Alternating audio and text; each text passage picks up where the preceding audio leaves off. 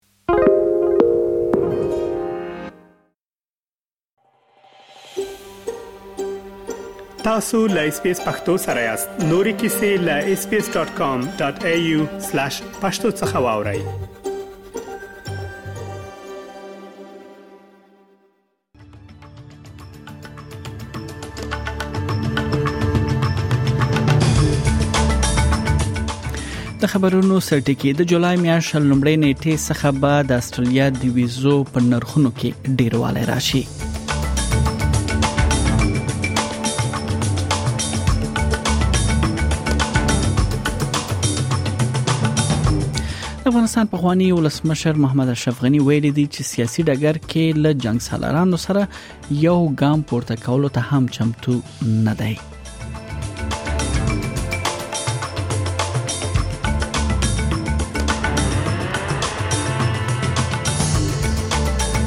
لخوا د پاکستان پوز ویلي دي چې د مین همه نیټه باندې چې کوم مظاهره وشوي د هغې په تړاو یې درې افسران ګوښه کړي دي او 15 نور یې مجازات کړي دي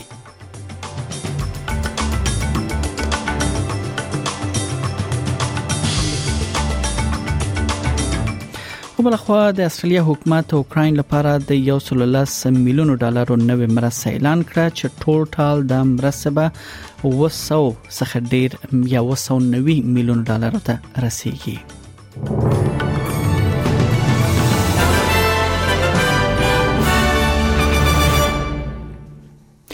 دا هم بشپړ خبرونه د استرالیا فدرالي حکومت هغه اندېښنې ردوي چې د ویزو فیسونو زیاتوالی به اقتصاد اقتصاد ته د استرالیا زیان ورسوي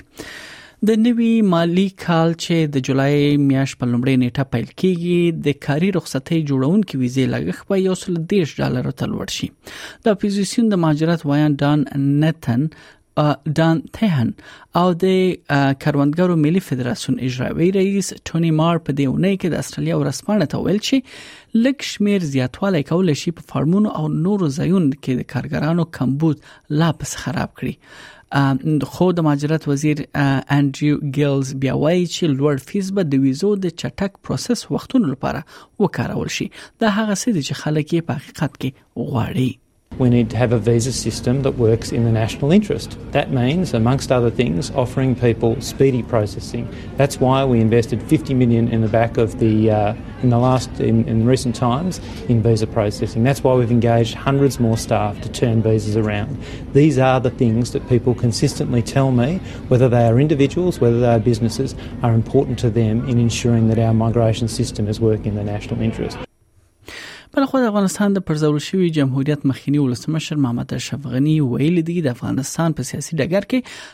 له جنگ سالارانو سره یو ګام پورته کولو ته هم چمتو نه دی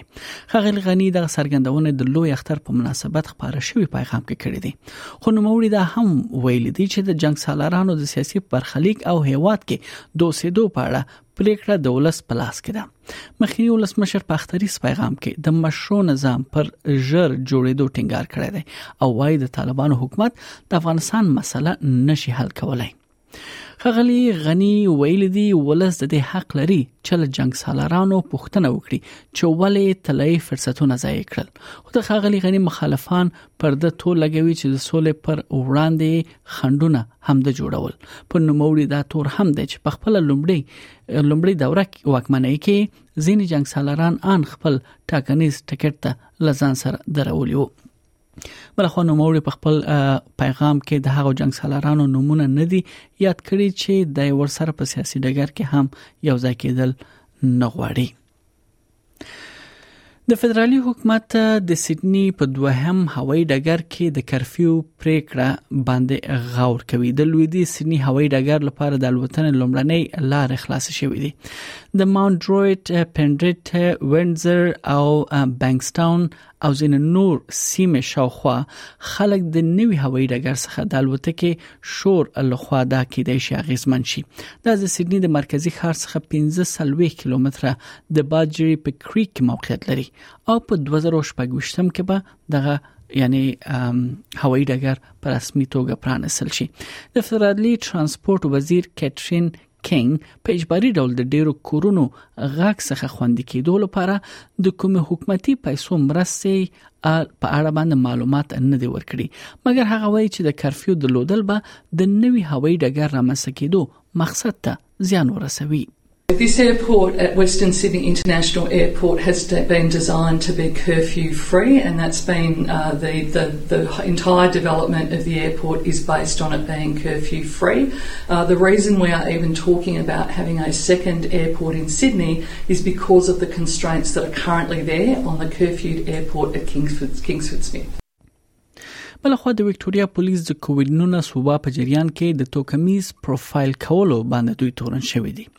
د داخلي ملبون ټولنې حقوقي سازمان یو راپور ښیي چې د افریقای منځني ختیځ او اصلي ځای خلک یعنی بومي خلک د نور خلکو په پرتله د کووډ 19 سرغړونو لپاره څلور چند ډیر جریمه شوې دي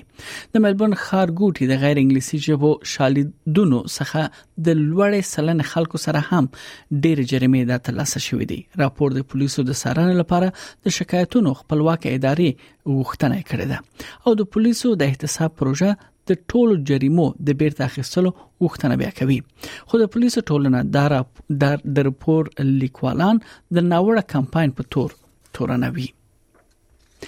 بلخو د استرالیا د دفاع وزیر ریچارډ مالز د اوکرين د حکومت د هغې پریکړې دفاع وکړه چې اوکرين ته د هاکي او بوش ماستر موټرونو یا ټانکونو نه ورکولو پریکړه کړې ده د استرالیا حکومت پرون له روسیې سره د مبارزې په برخه کې د مرستې لپاره اوکرين لپاره یو سل لس میلیون ډالرو اعلان کړی دی د استرالیا حکومت وایي د بشري مرستو په برخه کې بل لس میلیون ډالر هم مرسته وکړي چې د سره به له اوکراین سره د دغه هیواد ټوله مرسته وسو 90 میلیون ډالر ته ورسیږي اپوزيشن او یو شمېر دفاعي کارپوهانو پر دې مرستو نیوکه کړې ده خو وايي ورکړ شوی وسایت زړه دي نه هغه څه چې اوکراین یې غوښتنه کوي د دفاع وزیر ریچارډ مالز وایي چې حکومت اوکراین ته د هاکی موټر او هم د بوش ماستر اضافي وسایت ځکه نه ورکړي چې په هغه کې نیمګړتیاوي شتون درلود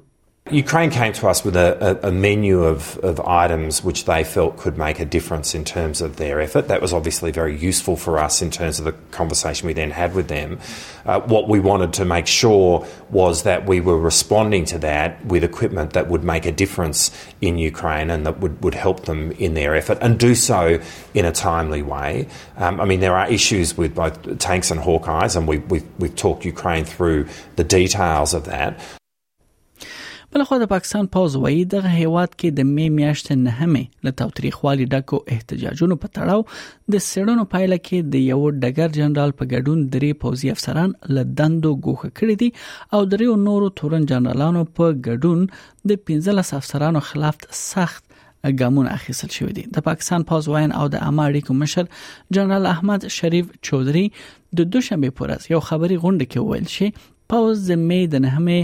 پیښو په تړاو دوه جلا داخلي سړنې بشپړې کړې دي هغه ویل چې زینو متقاعدو پوزي جنرالانو د کورنۍ غړو خلاف هم قضیه روانه دي بل خو ولادمیر پوتین د هغو پیښو وروسته خپل لومړنۍ عامه وینا وکړه چې واګنر ډلې سرتیری یې د مسکو په لور حرکت وکړ کوم چې د کودتا هڅه بلل کېدله د روسیې مشر ژمنه کړې ده چې هڅونکي به عدالت ته راکاږي او د واګنر سرتیری ته یې د اردو سره د یوځای کېدو یا بلاروس ته د تللو انتخاب ورکړی دی چې د دوی مشر یوګنی برګزن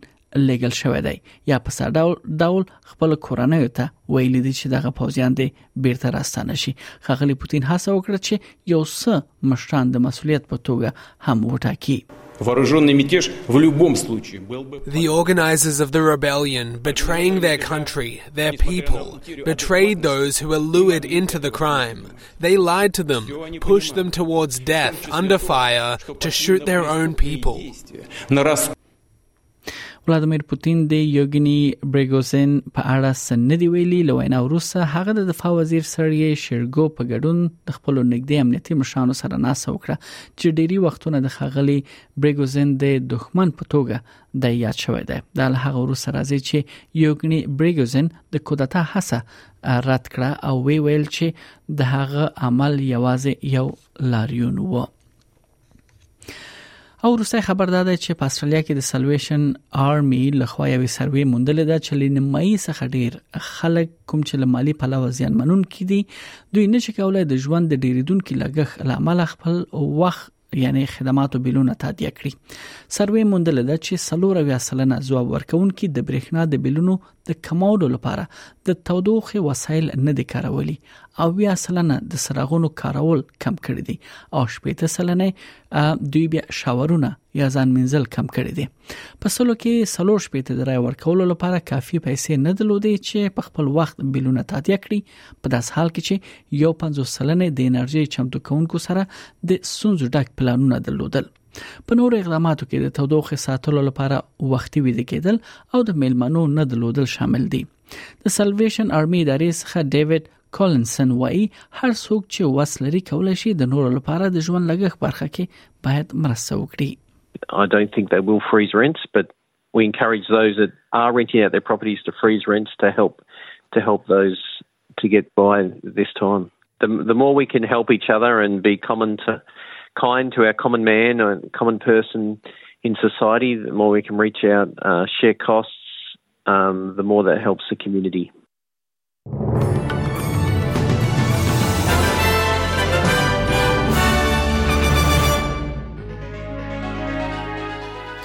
د همدا سلی ډالرو پر وړاندې د زینو بهرنۍ اسعارو بیه په نړیوالو مارکیټونو کې یو اصلي ډالر 0.18 امریکایي سنت 0.18 یورو سنت یو اصلي ډالر اووه پنځوس اشاریه یو اویا افغانۍ روپۍ یو سل دوه نوي اشاریه دوه پنځوس پاکستانۍ روپۍ پنځه پنځوس هندۍ روپۍ یو استرالی ډالر دوه اشاریه شپږ څلوېښت اماراتي درهم او صفر اشاریه دوه پنځوس انګلیسي پنسه ارزښت لري د هم د استرالیا د ځینو ښارونو نن لپاره د تودوخې تر ټولو لوړه درجه هغه هم د سانتیګریډ په کچه سیدنی کې اسمان برګ دی 19 په ملبن کې هوا باراني ده 15 په برزبن کې هوا لمریزه ده 22 په پرت کې هوا لمریزه 18 په اډلیډ کې اسمان برګ 15 په هوبارت کې اسمان برګ 14 په کمبيرا کې اسمان برګ 12 او په اخر کې داروین هلته هوا لمریزه ده او د تودوخې تر ټولو لوړه درجه 22 سانتیګریډ اټکل شوې ده